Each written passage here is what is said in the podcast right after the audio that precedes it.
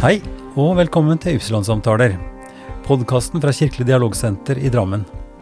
Navnet mitt er Ivar Flaten, og i denne episode 98 snakker jeg med Jan Dag Michaelsen. Jan Dag pensjonerte seg nettopp fra jobben som rektor på Galterud skole. Etter oppvekst og skolegang på Brandenga dro han som ung mann på togtur på interrail i Europa. Og der møtte han kjærligheten. Og han ble i Tyskland i seks år. Tilbake i Drammen vurderte han lærerjobb, men respekt for yrket og det ansvaret som følger jobben, gjorde at han vegra seg ganske lenge. Men i 1991 begynte han på Fjell skole, og har siden ikke angra en dag. Det er et fantastisk privilegium å få jobbe med barn og unge, sier Jan Dag. Jan Dag Michaelsen, velkommen hit. Ja, tusen takk. Hvordan har dagen vært? Nei, det har vært merkelig. Det er eh, første dag som pensjonist hvor jeg egentlig kunne ha jobba. Eh, forrige uke var jo vinterferie. Jeg gikk av eh, som pensjonist 1. mars. Mm. Eh, hadde da en opplevelse av at du verden, Jan Dag, nå, nå har jeg ikke ferie lenger. Så, men, men jeg var nå på hytta, da, Ja. og nøt skiføre. ja. Og i dag så ser jeg da når jeg kjører rundt og på vei hit, da er skoleparkeringene fulle. ja. Der er det mange biler. eh, Det er mange mennesker inne i skolebygningene. Elever, ansatte, sikkert noen besøkende. Det var en merkelig følelse. Det vil jeg tro. Både det å se at virksomheten faktisk går videre uten deg, og at du nå er inne i et, en ny livsfase, ikke minst det siste. Ja, jeg trenger sikkert en god stund på å tilvenne meg da den nye situasjonen. Men det er klart at jeg har jo sørget for at jeg har mange gjøremål framover. Ja, ja. Sånn at det ikke skal bli dødtid. For det kanskje er mest engstelig for, det er å bli sittende i en stol. Mm. Og det skal jeg i hvert fall ikke. Nei. Du, det tror jeg ikke Ja ja, bekymra for det kan en være, men jeg tror ikke risikoen er stor. Jan Dag, du, det er ikke sikkert alle sånn umiddelbart hekter navnet ditt på jobb og funksjon, men du er altså nå nettopp avtroppende rektor fra Galterud skole, Ja. som er nærmeste nabo til der vi sitter nå, på, på Galterud i Drammen. Og der har du vært nå faktisk fra tusenårsskiftet, så vidt jeg har sett. Nei, jeg, har, jeg begynte som lærer på Galterud skole i 1999. Ja. Og da kom jeg fra Fjell skole. Ja. Eh, Så eh, ble jeg avdelingsleder på Galterud i 2012. Mhm. Eh, Konstituert rektor første gang i 2014. Mm. Daværende rektor hadde permisjon et år. Mm. Kom hun eh, litt tilbake igjen, og, jeg, og så eh, forsvant hun ut. Mm. Så jeg har vært rektor eh, etter det. Så det betyr at du har vært skolemenneske her i bydelen, da. Eh, først på Fjell, og så på Galterud nå i Ja, når starta du på Fjell, da? Det var i 91, så det er over 30 år. Det er, det er noen år, da, en dag. Ja, men eh, jeg sa det i avskjedstalen min eh, for rektorene, at da jeg begynte på Fjell, så hadde jeg følelsen av å komme hjem på en måte. Mm. Eh, det var noe som traff meg i måten å oppleve mennesker på, og den responsen jeg fikk fra elevene og, og ansatte. Mm. Det har nok også med at jeg tilhører denne bydelen. Jeg vokste opp i Fjellsbyen, Ja. Eh, som ligger da rett på nedsiden Ja, ja. av blokkene på Fjell. Mm. Den gang så, så var det ikke blokker på Fjell. Nei. Eh, Jeg lærte å gå på ski på, på jordene, der hvor de nedre blokkene står nå. Mm. Eh, Og hadde noen fantastiske barneår, eh, annet her på Fjell. Mm. Og så, mm, da jeg kom tilbake igjen etter et utenlandsopphold, så eh, skulle jeg egentlig bli lærer. Mhm. Eh, så tok det jo noen år før jeg faktisk turte å ta på meg det ansvaret. Mm. Og så ble det ved en tilfeldighet i, i 91, og siden så har jeg eh, vært lærer eller Ja, skolemenneske. ja. Ja. Vi skal komme rikelig tilbake til det, men det er jo interessant med den barndomstida også. Jeg pleier å spørre litt om det. Hva som, hva som prega barndommen, og hvordan det var å være gutt. Da du har sagt litt om friluftslivet. Det var Mhm. svære eplehager her. Ikke sant? Helt annet, eh, helt annet miljø til å begynne med, før veien ble bygd, og etter hvert også de store bomaskinene som, som kommer som et resultat av at ja, Mhm. Brakerøya ble sanert, og mm, den store brua ble bygd, og osv. osv. Men Jan Dag, hvordan var det? Hva, si litt om familien din og oppveksten din. Ja, egentlig hadde jeg en veldig god barndom. Jeg gikk på Brandenga skole. Mm. Eh, og jeg kom hjem, eh, spiste middag hos eh, farfar og farmor. Ok? Og så var det å hive seg på sykkelen og ned på Teggeren Ja, og spille fotball. akkurat. Det husker jeg fra de vanlige ukedagene. Det var liksom store livet, også i sommerferien. Ja. Veldig mye. Jeg bodde vel nesten på Teggeren i lange perioder, eh, føler jeg sjøl. Eh, Forklar oss hva Teggeren er for noe, for de som ikke vet det. Det er det store gressområdet nede på Flata i nærheten av Brandingen skole, mellom nåværende motorvei og skolen. Ja. Um, og der traff vi hverandre, masse unge, barn og unge fra området Nedre Strømsø og Fjellsbyen, Mm. og spilte fotball og spilte fotball hele tiden. ja. Helt fantastisk, uh, syns jeg. Mm. Eh, I tillegg til det så bodde jeg da altså i Markusveien. På andre sida så var det noen andre sida av veien var det noen hus, mm. og så begynte skauen. Ja.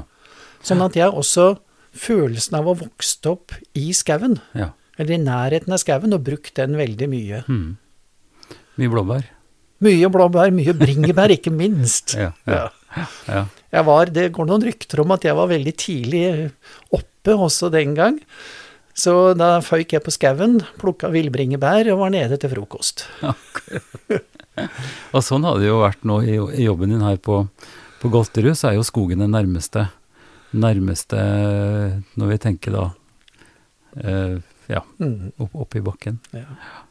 Så du er vant til å Og jeg vet ikke, jeg har jo sett at det er blitt mer og mer vanlig. Jeg går jo mye tur her sjøl og på ski og sånt, men har sett at det er også mye virksomhet i skogen med elever. Både de små fra fjell, fra barnehagene, Mm. men også fra, fra ungdomsskolen, der du har vært rektor. Ja, og jeg er veldig glad for det at det har blitt i økende grad. Og vi har jo på, på Galter investert i eh, skiutstyr annet, Mm. og en del annet friluftsutstyr også. Mm. Og jeg må si det at det er en del lærere som er utrolig flinke til å ta med elevene ut. Mm. For å oppleve naturen, for å bruke seg fysisk. ikke sant? Fysisk Ja, ja, aktivitet er jo viktig både for kropp og sinn. Ja.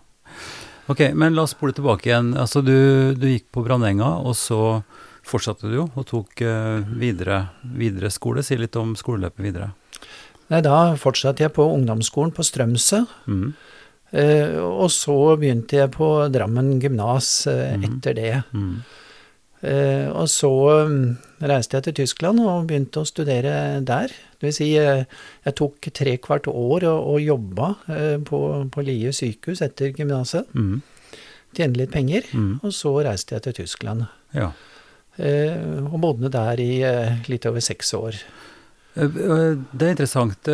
Nå, altså nå for tida eh, Min sønn var helt, helt klar på at han skulle til USA. Mhm. Så han dro, eh, han dro altså etter første gym. Mm Eh, og fikk jo ja, kan du si livet snudd opp ned på en måte. Han kom jo der like før det store smellet på Twin Towers, Mhm. Og fikk med seg hele den vendinga av den amerikanske mentaliteten, og, mm. og er nå statsviter og eh, jobber mye med amerikansk mm. politikk. Men, men for din del, hva var grunnen til at du tenkte Tyskland? Nei, det var nok kjærligheten. Ja, ja, så det var ja si litt mer om det. litt tilfeldig. Nei, Ja. det var Jeg traff en jente på en interrailtur, og så eh, flyttet jeg ned eh, for å være sammen med henne. Ja, Wow, så koselig da. Interrail var også en ting. Ja det var Interrail var en viktig ting i, også i min studenttid. Vi er omtrent like gamle. Vi er vel litt eldre enn deg. Ja. Hmm. Nei, Jeg syns det var spennende. Vi kunne reise rundt i Europa for en billig penge. Og Ja. som ungt menneske uten de store inntektene, så kunne vi oppleve altså store deler av Europa. Hmm. Helt fantastisk. Ja. Så vi var tre gutter som, som reiste sammen, og var både i eh, Tyskland, eh, Frankrike og Storbritannia. Og da traff du altså ei jente som, eh, som gjorde at du dro tilbake igjen. Ja, da, da ble det sånn. Ja. Hvor i Tyskland var det? Nei, jeg, jeg bodde i Bonn Ja, eh, de årene. ja. Ja. Og da tok du utdanning mens du hadde seks år, ganske lenge. Ja, jeg studerte ikke hele tiden, Nei. men uh, jobba noe og, Mm. og studerte. Hva, hva vil du si er beholdninga sånn, tenke kulturmessig? Eh, altså for jeg, jeg, jeg mener jo bestemt at det å komme ut eh, fra sitt eget, komme ut og få sett verden fra en annen vinkel, Mm. se andre forhold, at det er ganske bestemmende og ganske viktig for hvordan en også ser på verden, kanskje, og på seg sjøl. Hva vil du si du fikk med deg etter de åra, i stort? Eh, det er noen opplevelser som jeg aldri kommer til å glemme. Og selvfølgelig så er det språket. Mm. Eh, jeg hadde hatt tysk på både ungdomsskolen og på gymnaset, mm. og hadde lært en del, faktisk. Ja.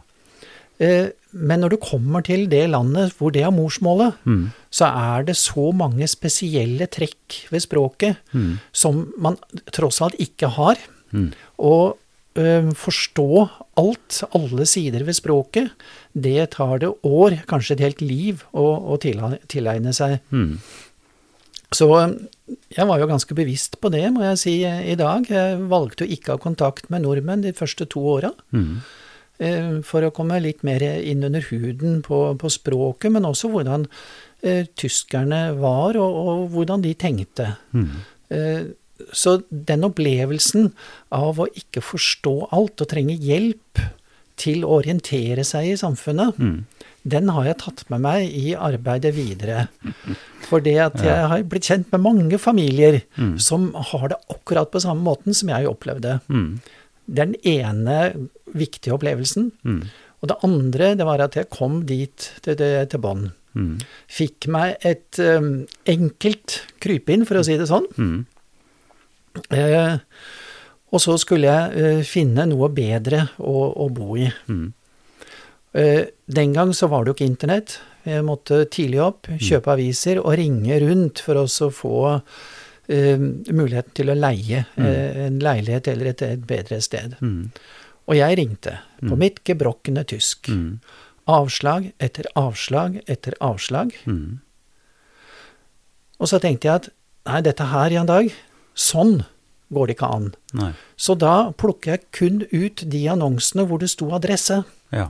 Og så dro jeg dit. Mm. Og da de så meg så hørte de fortsatt at jeg snakket gebrokkent. Mm. Så spurte de hvor kommer du fra? Mm. Og jeg fortalte at jeg ah, kom fra Norge. Norge. Da tok... Ich war der durch den Krieg. ja. Og da tok de meg eh, imot altså med så til de grader åpne armer. Mm. Og vi vet jo selvfølgelig hva som ligger bak dette her. Ja, ja. Og det som ligger bak, er jo at det er en stor gjenkjennelse. Det er nesten sånn at den kan bli litt forlegen. Vi har også mm. veldig mange venner i Tyskland, reist mye i Tyskland. Mm. Eh, og, og blir ofte, eller ble da, dette er jo, vi var unge da vi reiste mye der, mm. eh, men det at det var gjenkjennelse, at det var mange som hadde sterke og gode minner fra Tyskland, eh, fra Norge, mm. som soldater, ja. som jeg skulle tro var liksom helt kontrært det de ville snakke om, at en pinlig ting at du skulle være med på som okkupant. Men de opplevde det åpenbart ikke sånn. Det var jo ganske mm. fredelig i, mm. i store, store, deler, da. Ja. Eh, og at det var unge folk som ble sendt dit mot sin vilje, kanskje, og måtte være der. Mm. Og at de opplevde Ja. Sånn at eh, den eh, Det husker jeg veldig godt, og det kjenner jeg igjen. Altså den der aksepten også, og veldig stor vennlighet mot, mot det norske, da, eller også om norske unge mennesker når vi reiste dit. Ja. Jeg strevde veldig med forholdet til tyskere Eh, det var mange jeg snakket med som sa det at vi visste jo ikke noe. Den kjøpte jeg faktisk ikke. Mm. Jeg tror at eh, de aller fleste visste. Ja. Eh, men allikevel så hadde man behov for den fornektelsen for ikke å ta på seg kollektivskylden, ikke mm. sant. Mm. Mm. Og det, det, strevde jeg veldig, veldig med i de årene jeg bodde i Tyskland, og for så vidt også seinere. Ja. Og så hadde jeg en uh, opplevelse. Det var en jeg jobba for, og vi ble ganske godt uh, kjent, så vi var også besøkte han uh, noen ganger mm. privat. Mm. Og så traff jeg faren hans, og han skulle av gårde på SS Kameratschaftstreffen. Oi, oi, oi. Og det syns jeg var veldig vanskelig, for jeg visste jo den gang veldig godt hva SS hadde gjort mm. og sto for i mm. Øst-Europa, hvor han også hadde tjenestegjort. Eh, og de hadde da sammenkomster, altså dette var da på slutten av 70-tallet, rundt 1980, mm. fortsatt, for mm. å minnes da kameratskapet som de mm. hadde i SS under krigen. Nei, det er ganske grymt. Altså det er Så sånne ting kommer vi jo ikke unna. Og det, det ligger jo også veldig tett på nå, eh, Jan Dag, når vi snakker sammen, så, så ser vi jo grusomhetene i Ukraina. Mm Og med, med, alle de sidene av, eh, av den problemstillinga med, russiske venner her eh, som eh, til dels altså gremmes, eller som, som hva skal en si, altså ser hva som skjer med, med den russiske krigføringa, men også kjenner folk i Ukraina, Mm. og så vet Altså det er så mange sider av det. Det er utrolig mange sider. Flyktningstrømmen som går, Mm. polske, plutselig at Polen åpnes, Mm. eh, mens det for ja, kort tid siden var umulig Mm. å komme inn, fordi at andre flyktninger Mm. var ikke velkomne. Mm. Altså, så det, er så, det er så mange avskygninger. Og det, og det er jo noe som jeg opplever i hvert fall at livet har, har lært. Det er at uh, det fins ikke én sannhet. Nei. Det fins heller ikke en sannhet i denne Ukraina-konflikten. Uh, og det fins heller ikke en sannhet om det Tyskland som jeg opplevde, for jeg må fortelle en liten ting til. Mm -hmm. uh, hvordan jeg opplevde å kunne bo i Tyskland. Det var fordi at jeg oppdaget det jeg kalte etter hvert da det andre Tyskland, mm. representert f.eks. ved Heinrich Bøll, mm.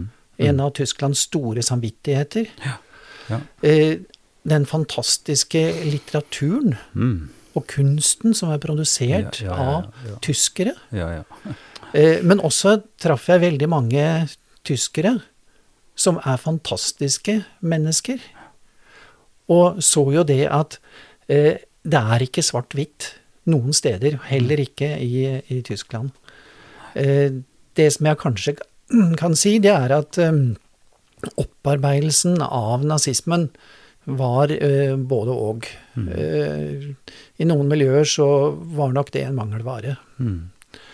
Eh, Jeg var jo veldig politisk aktiv i min ungdom. Mm. Og eh, jeg husker at jeg, jeg var med i noe som heter eh, et sånn antikrigsmedlemskap, eller forening, da. Mm. Og hvor også Folkerøstning mot krig? eh, Ja, det i Norge. Deutsche Friedensgesellschaft. Ja. Mm. Eh, og eh, også en forening med medlemmer fra, som var ofre for, for nazismen. Mm.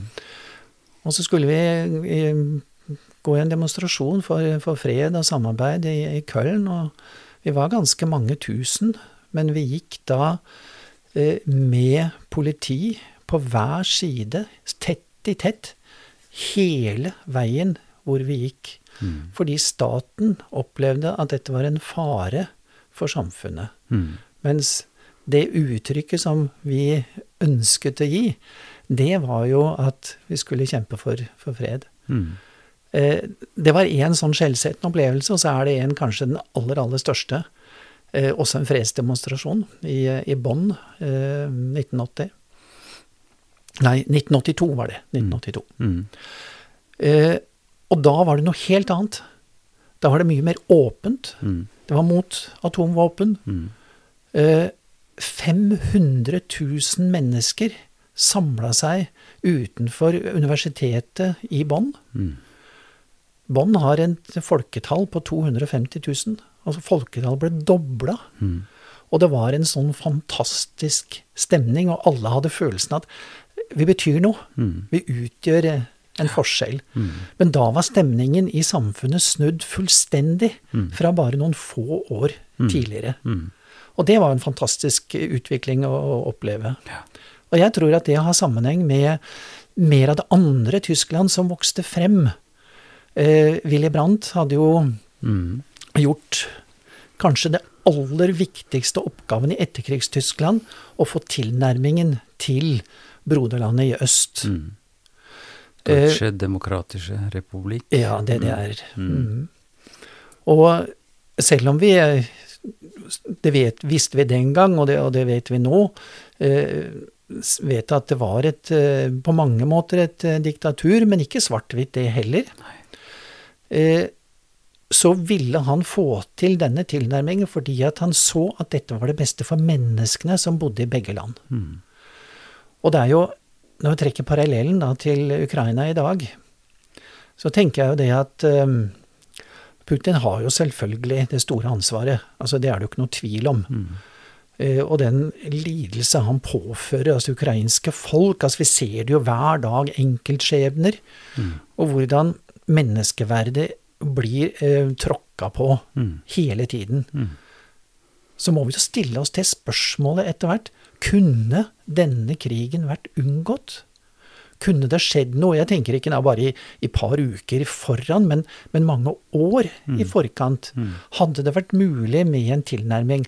Og jeg tenker at når denne krigen forhåpentligvis da eh, er over, at vi kan begynne å stille oss de spørsmålene, sånn at vi unngår tilsvarende konflikter i Europa, og jeg tenker spesielt Øst-Europa, eh, framover.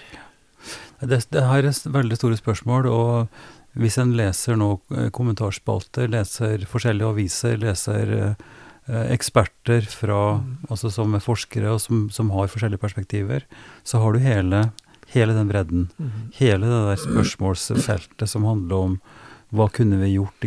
Hva er, mm. hva er det som skjer i, i Russland nå? Hva, hva, betyr Putins regime? Mm. Hva kunne vi gjort? Hva, ja, og Så, videre. Mm. så dette er jo høyinteressant, og, og håpet består jo. Eh, og, og, håpet må vi jo holde fast i. altså at, at skal vi si eh, fornuft eller ansvarlighet eller, eller menneskeverd eh, igjen da, får, får, forrang, slik at vi kan slippe eh, dette her at så store grupper av folk blir, ja, blir drept, blir, blir satt til veggs, sånn som det skjer nå.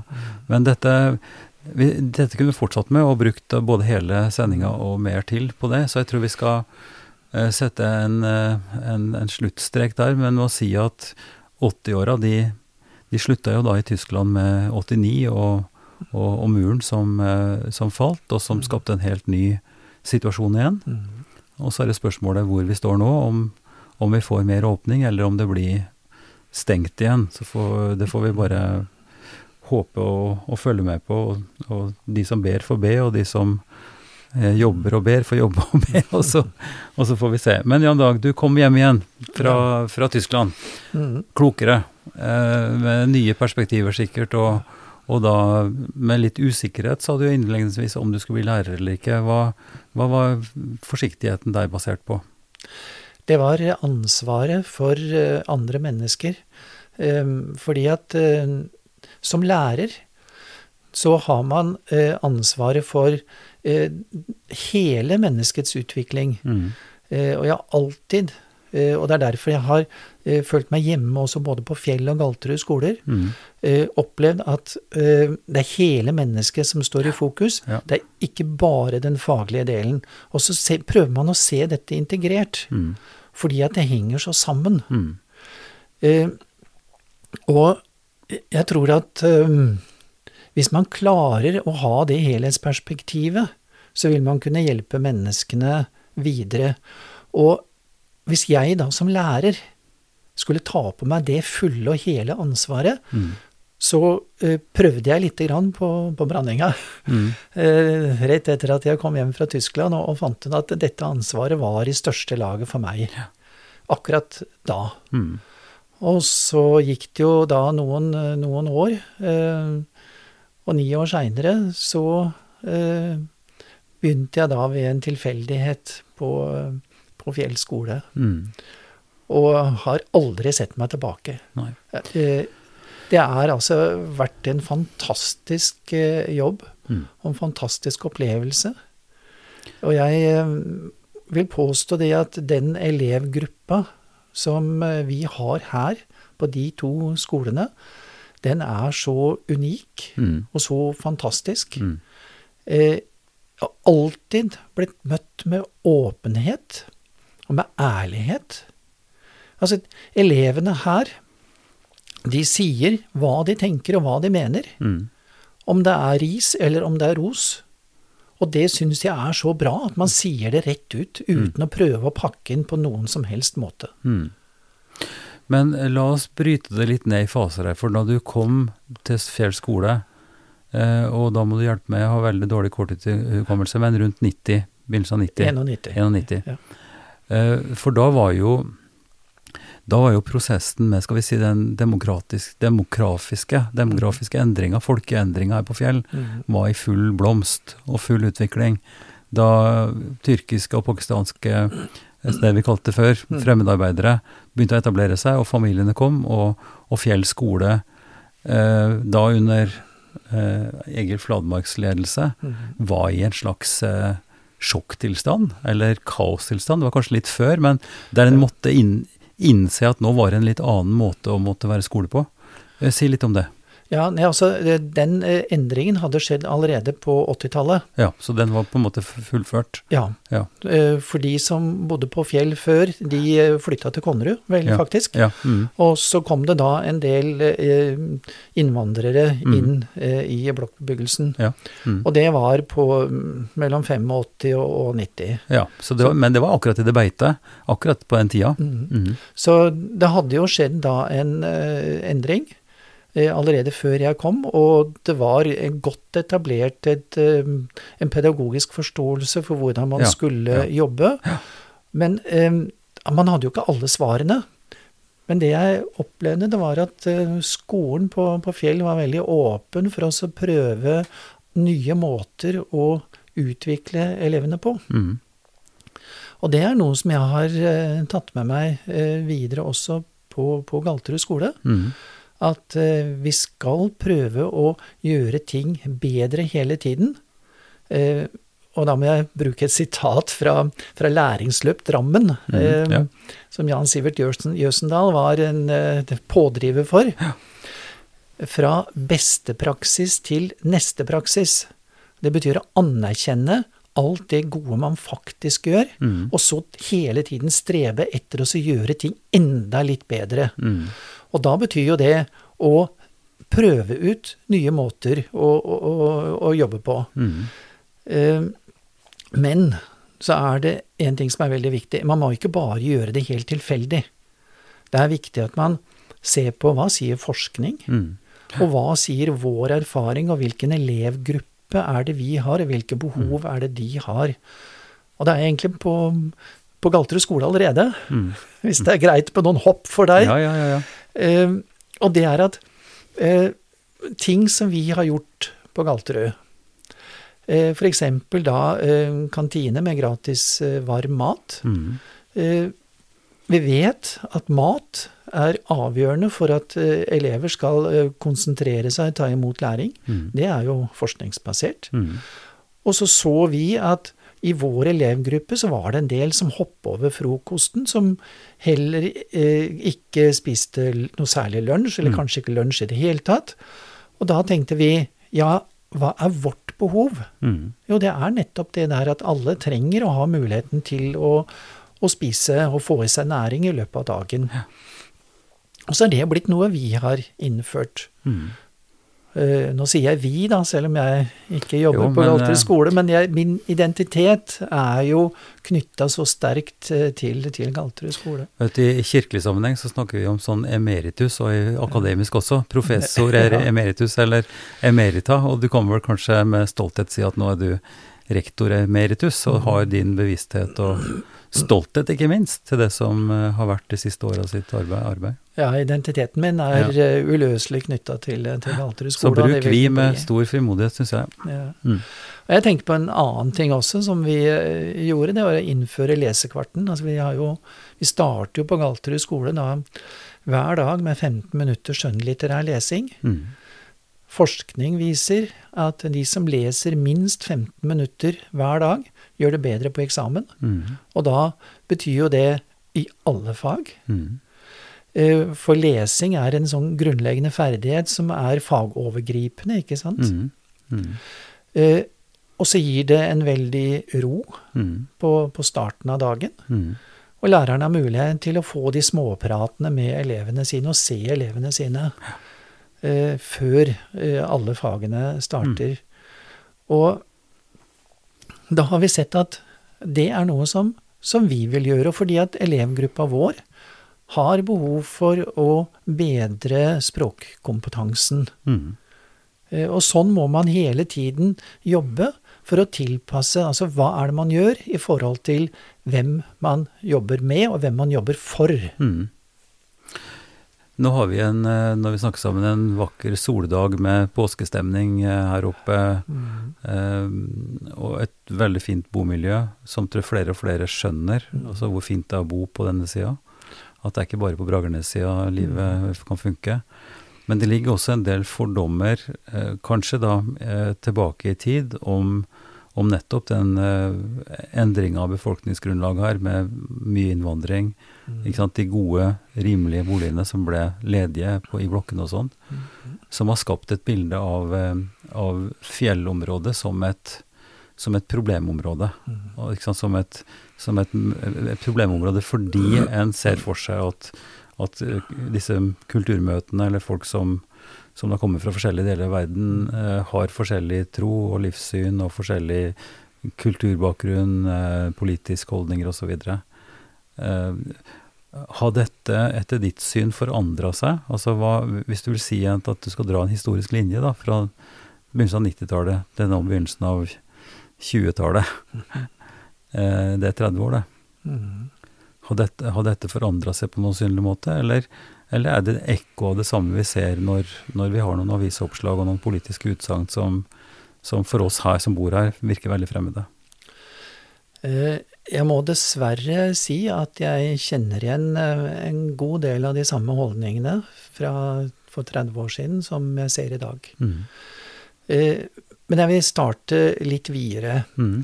Det er helt naturlig at man er skeptisk i forhold til det man ikke kjenner. Mm. Eh, det ligger i en menneskelig natur om å eh, være nødt til å kategorisere for oss å få orden på den verden og alle de inntrykkene som vi tar inn over oss eh, hele tiden. Mm. Og da lager vi jo grupper, da lager vi jo noen dimensjoner for oss selv, ikke sant? Og da kan jo det være hvordan man ser ut. Det kan være hvordan man snakker. Mm. Altså, når ungdom f.eks. utvikler jo da sine egne språk. altså Kebabnorsk er jo et sånt begrep som mm. kanskje ikke er det aller mest positive, men det er en sosiolekt som er helt uh, reell, mm. og som snakkes i Norge. Mm. Det er norsk dialekt, mm. faktisk. Uh, og så tror jeg det at uh, den skepsisen og usikkerheten i forhold til ting som er annerledes, den kan jo også gjelde i forhold til religioner, i forhold til uh, folk som bor andre steder. Jeg snakket med en uh, nå for ikke så veldig lenge siden som fortalte om ja, fra, fra den sida av dalen mm. så så det med skeptis, skepsis på de som bodde litt lenger ned i dalen, ikke ja, sant? Ja, mm. Og fordi at man, man, kjente hverandre kanskje ikke godt nok. Mm. Og det er jo her eh, vi er inne på noe av det som er litt viktig for Drammen. Hvordan skal vi bli kjent mm. godt nok? Mm. Hvordan skal bli kjent sånn at vi ikke blir engstelige for hverandre, eller mm. bare ser noen sider av den kulturen som, mm. som vi har. Mm. Eh, og derfor så ser jeg på eh, at det som har skjedd i forhold til at Åskollen-elever også går på Galterud, mm. så noe veldig positivt. Mm. Jeg vet at det er eh, skepsis uh, hos eh, noen foreldre, mens andre foreldre på, på Åsgålen ser den store verdien i akkurat dette her. Drammen er en flerkulturell by. Mm. Vi er nødt til eh, å venne oss til at det er normalt å leve i en flerkulturell verden. Mm. Om det er et lite lokalsamfunn, mm. eller om det er hele verdenssamfunnet. Bare for å sette det til kontekst, så er jo dette Altså det med bussinga fra Åskollen og hit, mm. eh, som ikke er veldig langt fra hverandre, men som er, har bakgrunn i skolebygging eller mm. utsettelse og, og kapasitetsproblemer og sånt, og en bydel som kanskje da ikke som Fjell er så prega av innvandring mm. eh, enda, altså det er en mer homogen bydel. Og det var jo store politiske, det var ganske heftige mm. ting som skjedde altså i, i, i, politikken i byen, hvor det ble påstått at dette kom til å bli mm. krise og katastrofe. og Hva var det brukt? Det ble et eh, ragnarok, var det ikke det? Som er et godt uttrykk. Eh, men du, du hevder det motsatte. Ja, jeg tror at det er framtiden, at vi er nødt til å komme sammen og bli kjent. Ja. Mm. Jo tidligere og yngre mennesker er, jo lettere har man for å åpne seg for, for hverandre. Det er jo mm. innlysende, ikke sant. Mm. Mm. Så um, for at vi skal få en god by å, å leve i, mm. så tenker jeg at dette er veldig lurt å gjøre. At man blander mennesker på, på tvers av kulturer, ja. Mm. språkgrupper, Ja. eh, vaner osv. Ja. Og dette er jo, for å si det litt forenkla, det er jo min eh, mitt Ikke livsprosjekt, men har blitt det etter at jeg kom hit for 15 år siden, nettopp å bidra til sånne prosesser. Mm. Uh, I i vid forstand, altså at en møtes og blir, som jeg sier, utsatt for hverandre på en sånn måte at en blir mer kjent, Mm. og, og blir involvert i hverandres liv på forskjellig vis. Og der, der jeg som, eh, som prest i Fjell da, gjennom mange år har har, brukt, har følt at de kunne bruke kirka som et sånt møtested, Mm. og bidratt til samtale på den måten. Men det gjenstår også noen ekte dilemmaer her som jeg har lyst til at vi kan bruke litt tid på. Mm. For det som er allmenn kunnskap, eller i hvert fall sånn generell tanke, at vi må ha møteplasser der vi møtes og kan snakke sammen og bli kjent. Ja. Og da finnes det jo ingen eh, møteplasser som er bedre enn punkt én, skolen, Mm. hvor alle skal Vi har en fellesskole, der de stort sett de aller fleste møtes. Og punkt to, arbeidsplassene. Eh, og du er da sjef og har jobba sentralt i en skole gjennom mange år. Mm. Og det ekte dilemmaet som jeg prøver å, å forstå mer av, og som jeg prøver å akseptere også, og anerkjenne, det er at du har som, som, et, som et menneske, eh, så har du behov for to ting. Du har behov for sterk tilknytning til ditt eget, Mm. dvs. Si til familie naturligvis, først og fremst, til, til nærmiljøet og til kanskje den kulturelle settingen. Mm. Kommer du med et annet språk, så er det språkfamilien og de religiøse skikkene kanskje til en viss grad, Mm. som du har et legitimt behov for, og, og, og må ha og kunne utvikle, Mm. på den ene sida. Mm. På den andre sida så er det helt livsviktig i et, eh, i et samfunn som vårt at vi også har mange nok tverrgående kontakter til at vi møtes og Mm. utveksler erfaringer og er sammen på andre arenaer. Mm. Altså at vi har en type Sosiologisk så snakker de om bonding. ikke sant? Det at du skal binde tett sammen internt, og så ha styrke da, og, og kapasitet og bidrag til det større samfunnet i en bridging. Mm. Altså i et Eh, Og når jeg sier at dette er et ekte dilemma, så er det jo fordi det er, det er vanskelig, på, vanskelig å Ikke vanskelig, men det føles som om at vi har en, nesten en sånn motsatt bevegelse. Når folkegruppene blir større, når du har nå veldig mange tyrkiske, f.eks., mange pakistanske, polske, eh, og ser at, at samholdet, eller det som skjer, i veldig stor grad skjer internt i samme språkgruppe. Altså at det blir mindre, mindre grad av utveksling på tvers. Mm. Eh, som skaper så klart da eh, utfordringer og inter- altså, ting som skolen må jobbe med, men også i samfunnet. Jeg vet ikke om dette er en riktig analyse, men jeg vet at dette dilemmaet er der, og jeg henviser f.eks. Til, til norske sjømannskirker, Mm. hvor nordmenn, nordmenn i utlandet, utlandet har behov for å oppsøke kirka, fordi at det er et sted hvor man kan møtes med likesinnede og spise brunost osv. Mm. Eh, Si litt om hva du tenker om dette, dette dilemmaet eller denne erfaringa, hvis det er din erfaring. Si litt om det. Ja, eh, både og. Eh, Jeg kan jo igjen gå tilbake igjen til min Tysklandstid. Da Mm. var det jo et norsk miljø i bånn Mm. som hadde sine faste møtepunkter og fast møtested. Ja. Eh, og så var det jo da eh, flere som studerte der, som jobba som journalister osv., og, så Mm. og som ikke ble så gode i tysk som man skulle tro når det hadde gått noen år, nettopp Mm. fordi av tilknytninga til da det norske miljøet var, var veldig sterk. Mm. Uh, og det kjenner vi jo igjen i, Mm. i alle miljøer, i alle innvandrergrupper. Mm. Uh, og jo større det er, jo mindre har man behov for Ja. det språket som uh, snakkes i det landet man bor. Mm.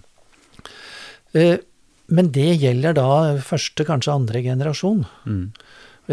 Og så har jeg sett at veldig mange av de eh, foreldrene jeg har snakket med, de sier det at Men mine barn, de skal få det bedre enn meg. Mm. For et fantastisk utgangspunkt. Mm. Og hva betyr det at de skal få det bedre enn meg? Jo, punkt én, så har veldig mange foreldre har vært og er opptatt av utdanning Mm. til barna sine. Ja. Mm. Og hvis du skal få deg en jobb i samfunnet, Mm. hvis du skal bli inkludert del av samfunnet, Mm. Så er jobb Mm. noe av det aller viktigste. Åpenbart. Og da må du ha god utdanning, Mm. som utrolig mange foreldre ønsker for sine barn. Mm. Så jeg ser egentlig ikke så negativt på framtida. Det eneste jeg prøver også å si hele tiden, vi kan ikke tro at i løpet av én generasjon så skal vi se den store forvandlingen. Nei.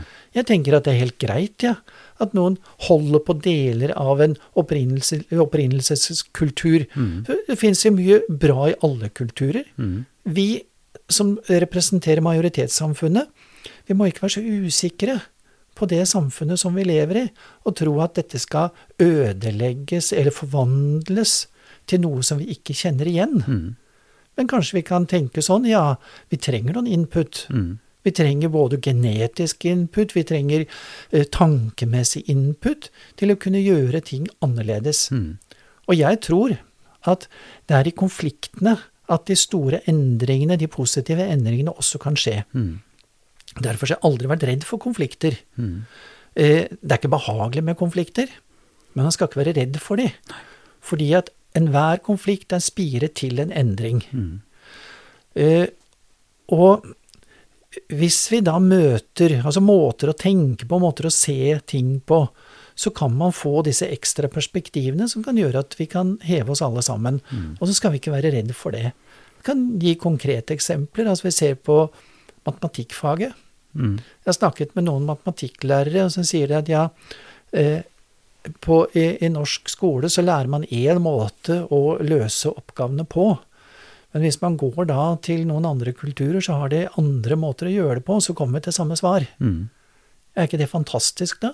Kan ikke vi prøve oss å se og Mm. anerkjenne alle de måtene å gjøre det på? Jo, og det, jeg tror det der er et sånt, eh, skal vi si et globalt, eller et allment, et allment synspunkt, da. En allment Mm. måte å tenke på som, som gir dyp mening i, i business, i vitenskap, i, i forskning. Mm. At hvis en eh, hele tida søker sin like, og søker samme tankemåte og samme måte å forstå ting på, så Mm. vil en i mindre grad komme fram til nye og gode løsninger som vi trenger. Mm.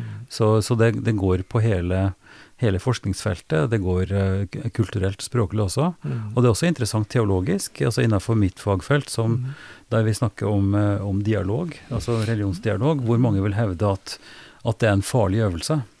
Fordi en da blir svekka i sitt eget, en, en blir utvanna eller mister sitt eget. Mm. Ikke sant? At en, når en kristen prest uh, snakker med en, en muslimsk teolog eller en buddhist, Mm. så vil en da stå i akutt fare for å miste fotfestet. Mm. Og det er noe som det du, det du snakker om, altså en, en slags mangel på tillit Mm. til sitt eget fundament. Mm. For det som skjer, vet du, det er jo at en, en må da bli litt skarpere eh, i sin egen tanke. Finne ut hva det vi står for, hva det som er eh, sentralt og, og, og viktig, Mm. og hva det kan bidra med, og hva det kan lære av de andre. Og den dynamikken eh, tror jeg både religiøst, filosofisk, kulturelt sett eh, er utrolig viktig. Mm. Og ikke minst på kunnskapsfeltet. Altså det at en, at en eh, blir nysgjerrig på sitt eget, for det tror jeg faktisk jeg vil stå for sånn nokså 100% at en har en, en kulturell, språklig, eh, geografisk basis som er utrolig viktig for ens personlighet og, og ens egen eh, utvikling. At en vet hvor en kommer fra. At det er en veldig stor styrke. Men at dette ikke er noe statisk. Mm. Dette, er i, dette er i spill, på en måte, og dette er i en slags forhandlingssituasjon hvor en kan ta til seg nye ting. Mm. Det var, jeg tror 1975 at vi begynte å spise pizza. Ikke at det er noen sånn revolusjon, men, men altså hele matdietten vår sushi, som nå har blitt Hvor kom det fra, liksom? Mm. Eh, Mine besteforeldre ville jo ha betakka seg og snudd ryggen til, naturligvis. Så dette er enkle eksempler på hvordan, hvordan denne kulturelle utviklinga skjer. Og at det, det, jeg synes det er vanskelig for meg å forstå den redselen som så mange åpenbart er fylt av. Eh, som fører til den polariseringa som vi ser. Den redselen for Vi var så vidt inne på det, ikke sant, hvor fryktelig mye vanskeligere det er å åpne opp grenser for muslimer enn for ortodokse kristne. Hvis vi sier det veldig spissformulert og veldig forenkla, da. Sånn som vi ser i Europa nå. Um, så, og, og der har jo um, det arbeidet som du har gjort nå i de 30 åra, det som skolen står for her i Drammen, og kanskje da i front på, på, i Fjell og på Fjell og på, på Galterud. eh, noen veldig viktige overlapp og noen innsikter som burde kanskje bli enda mer synlig for folk flest i byen. Vi har lagt veldig stor vekt på fellesskapet på skolen. Prøvd å utvikle tilhørighet til skolen. Eh, sånn at alle elevene, og ansatte selvfølgelig, skal oppleve tilhørighet til skolen. Det er noe de skal kjenne seg igjen i. Mm. Eh, Og derfor så har vi også et, en visjon som heter 'Mangfold i fellesskapet gir styrke'. Og det er jo nettopp det at det skal være rom for å være veldig forskjellig på alle mulige måter. Mm. Og allikevel tilhøre det Galterud-fellesskapet som vi ikke bare sånn fordi vi går der, tilhører, men fordi at vi skal ha noen verdier, verdier felles. Mm. Og jeg tenker jo, når det har vært så veldig mye snakk tidligere om hva er norsk? Mm. Og noen trekker fram geitosten, og noen trekker fram uh, altså, ting vi spiser. Mm. Uh, fjellene. Noen sier til og med demokrati mm. er norsk. Likestilling er norsk. Men det er jo ikke sant, det. Likestilling, demokrati finnes det jo i mange steder i verden, og det har vært etterstrebet i årtusener mm. i verden. Mm. Eh, så det som vi må komme bort fra, det er altså å se på hva er det som er norsk, hva er det som er utenlandsk, og så begynne å tenke hva er menneskelig? Mm. Hva er det hvert enkelt menneske, vi som gruppe mennesker, har behov for? Mm. Alle har behov for et sosialt fellesskap. Mm alle mennesker har behov for anerkjennelse og føle at de betyr noe for andre mennesker. Mm. Ikke sant? Altså disse grunnleggende verdiene. Og hvordan kan vi eh, da eh, videreutvikle og bygge på de for å få til det gode samfunnet? Mm. Og det er helt uavhengig av hvor enn i verden vi er vokst opp, hvor vi kommer fra. Mm. Alle mennesker har de grunnleggende behovene. Mm. Og hvis vi ut fra det prøver å bygge fellesskapet og det samfunnet vi skal leve i, så har jeg tro på at vi skal komme et godt stykke videre i denne verden. Eh, men da må vi åpne oss, og ikke være engstelige for, for, andre, eller som du også sa, engstelige for egne verdier og tenkemåter. Mm. Eh, men se det som er allmennmenneskelig. Jan Dag Michaelsen, takk for en veldig fin samtale, og lykke til med din nye karriere som eh, rektor emeritus. Ja, tusen takk. Det var veldig hyggelig. Ja.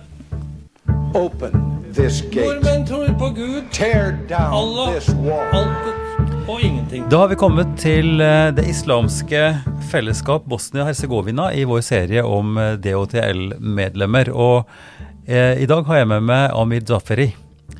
Eh, god kveld. God kveld, Ivar. Tusen takk for invitasjonen. og Det er alltid hyggelig å prate med deg. I like måte. Eh, vi skal rett og slett bare høre litt om, eh, om, det fellesskapet som du er en del i, og som du representerer da i styret i, i DHTL. Fortell ganske kort, hva er det islamske fellesskap Bosnia-Hercegovina i Norge? Ja, Det islamske fellesskap Bosnia-Hercegovina, det er eh, en organisasjon hvor alle de medlemmene som kom til Norge, eh, de kom i, eh, i, i krigen i, i Bosnia-Hercegovina fra 1992 til 1995. Ja. Så vi tenkte å organisere oss, og da begynte vi å organisere oss. Og i 1994 ble opprettet det islamske fellesskap Bosnia-Hercegovina, en nasjonalt trossamfunn. Mm. Og så senere har vi eh, prøvd, siden Norge er en lang eh, land, så da hadde vi eh, forskjellige menigheter i forskjellige byer. da. Akkurat. Og siden Drammen var en stor by, så har vi opprettet eh, også en eh, menighet der. Ja. Og dere har et eget forsamlingshus? Vi har et eget eh, forsamlingshus, men det var ikke alltid slik. Nei. Så i begynnelsen, uh, i perioden uh, fra 1994, da med den, med den fellesskap, islamske fellesskapet Bosnia-Hercegovina ble dannet, til nesten 2005, da, så hadde vi Eh, hadde vi eh, begynt eh, med å samle oss i husene våre eller utenfor. Mm. Så vi, vi, var veldig lite organisert. Så, I perioden, perioden fra 2005 til 2018 så har vi leid lokaler, lokaler i Drammen. Mm. Men i 2018, i juni måned, så har vi eh, kjøpt et eh, eget objekt. Ja. Som eh, etterpå begynte vi å pusse opp, og eh, den er ikke fortsatt ferdig. Så vi jobber og gjør ting der, men den er ikke helt ferdig ennå. Jeg må bare nevne at i går kveld hadde vi en, eh, en møte med i DHTL, og så fikk jeg et eh, brev eh, som kom i retur til DHTL, fordi vi har ikke egen postkasse ennå. Ja, akkurat. Ja. Nei, men sånn er det vel for flere.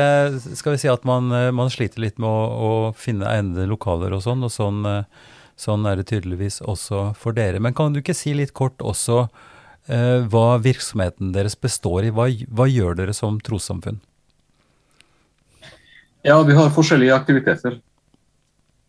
Eh, mellom annet eh, religiøse aktiviteter som f.eks. bønn, Mm. eh, hverdagsbønn og fredagsbønn.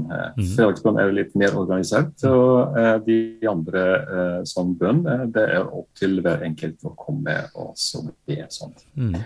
Eh, andre ting som eh, eh, vi gjør, er også at vi har mange humanitære aksjoner Mm. Hvor de vi organiserer disse aksjonene som eh, hjelp til andre. Mm. Altså, det, må ikke være, det må ikke være bare Bosnia-Hercegovina, men eh, eh, overalt i verden. Ja. Så jeg kan nevne også at f.eks. I, i den perioden da Japan var rammet av eh, tsunami, så vi sendte hjelp der. ja. Eh, andre ting som vi gjør, er eh, Mekteb. Jeg vet ikke om du har hørt om det ordet, men det Mekteb. er egentlig Ja. Mm. Det er en skole. Det er ikke bare koranskole som uh, mange uh, snakker om, men uh, der lærer vi også om eh, språk, eh, islam, eh, kultur og tradisjoner etc. Mm. Så vi organiserer eh, oss eh, disse mekteber, og det er en gang i uka. Vi har eh, to grupper. En som er eh, veldig liten, eh, så fra fem-seks år opp til, eh, opp til eh, jeg tror ti år. Og så har vi en annen gruppe som er litt mer voksne. og da da, da også, også fordeles det litt opp til hvilket nivå har barna kommet. Mm. Har det også noe med språk, altså med bosnisk språk å gjøre, eller er det primært religiøs undervisning? Vi har også språk, ja. Mm. Så uh, vi hadde i en periode uh, lærer som kom uh, hver Det var en gang i uka, da. Mm. Og da hadde de bosnisk språk, mm. hvor vi lærte både bokstaver og resitasjoner og alt forskjellig geografi og ja, historie og alt sammen, da. Ja. Så det var eh, eh, Det er derfor vi kaller det mekteb. Det er eh, ikke bare, bare eh, eh, men det er også andre ting. Hva betyr ordet mekteb? Mekteb, det betyr skole. Ja, nettopp. Det er Såpass bredt, ja. Kan du ikke si litt om organisering også? For du, Amir, du, du representerer trossamfunnet i, i dialogforumet. Hva er din rolle internt i, i trossamfunnet? Ja, eh, jeg sitter i styret i eh, Det islamske fellesskap Bosnia-Hercegovina og eh, menighet Drammen. Mm. Så jeg sitter sammen med åtte mer medlemmer. Alle av oss har noen funksjoner i menigheten. Og min funksjon er at jeg samarbeider med norske institusjoner. Mm.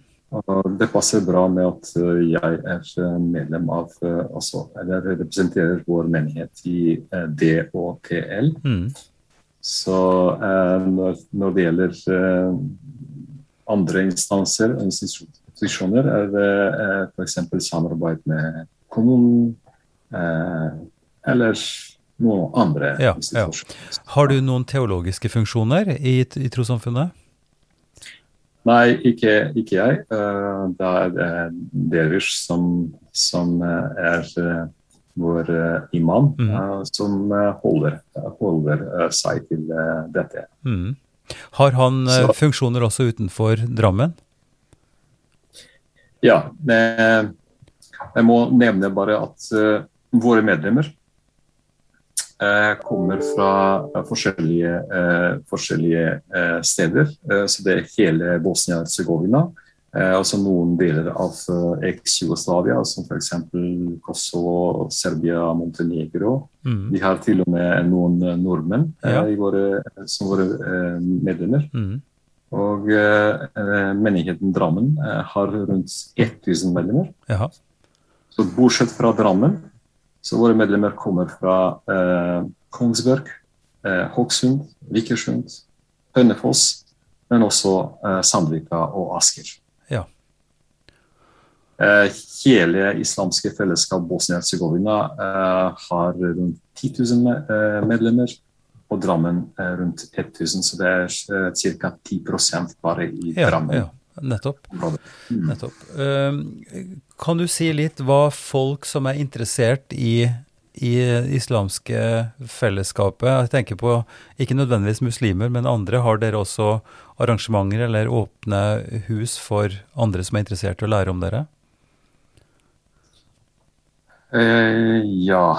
Eh, vår utfordring var at vi ikke hadde eh, våre lokaler. Ja, eh, ja. men da når vi begynte å eh, jobbe med lokaler og eh, snart er vi ferdige, så eh, vår mål er at vi åpner oss for eh, andre.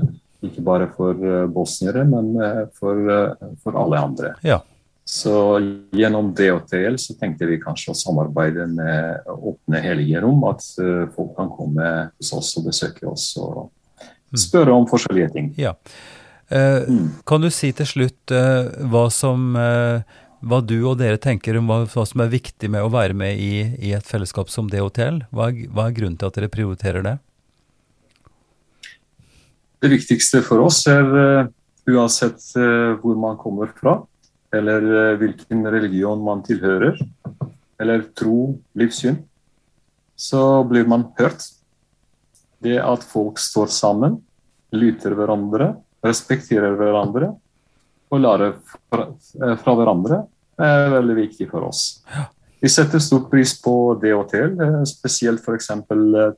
den eh, perioden da det var Trygg i bønn-aksjonen. Mm. Da følte vi oss veldig trygge, fordi DHTL-medlemmer kom og støttet oss. Mm. Så det at noen støtter oss, vi føler oss som en del av samfunnet, Ja. som en del av, av Norge. Ja.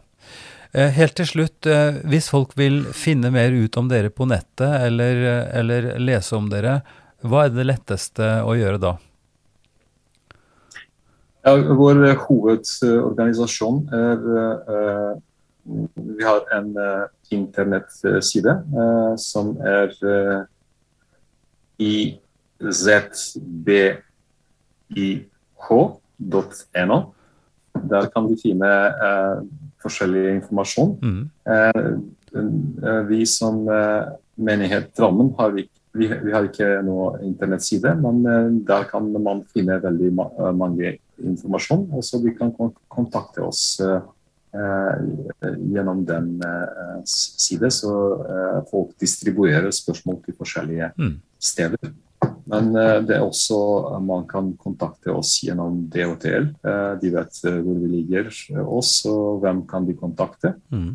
Og så eh, normalt hvis de kjenner meg eller andre medlemmer av den bosniske menigheten, så kan de ta direkte kontakt med medlemmer. Mm. Vi, nær, vi, nærmer oss, vi nærmer oss nå eh, fastemåneden, ramadan. Stemmer. Eh, har dere noen spesielle arrangementer i den forbindelse?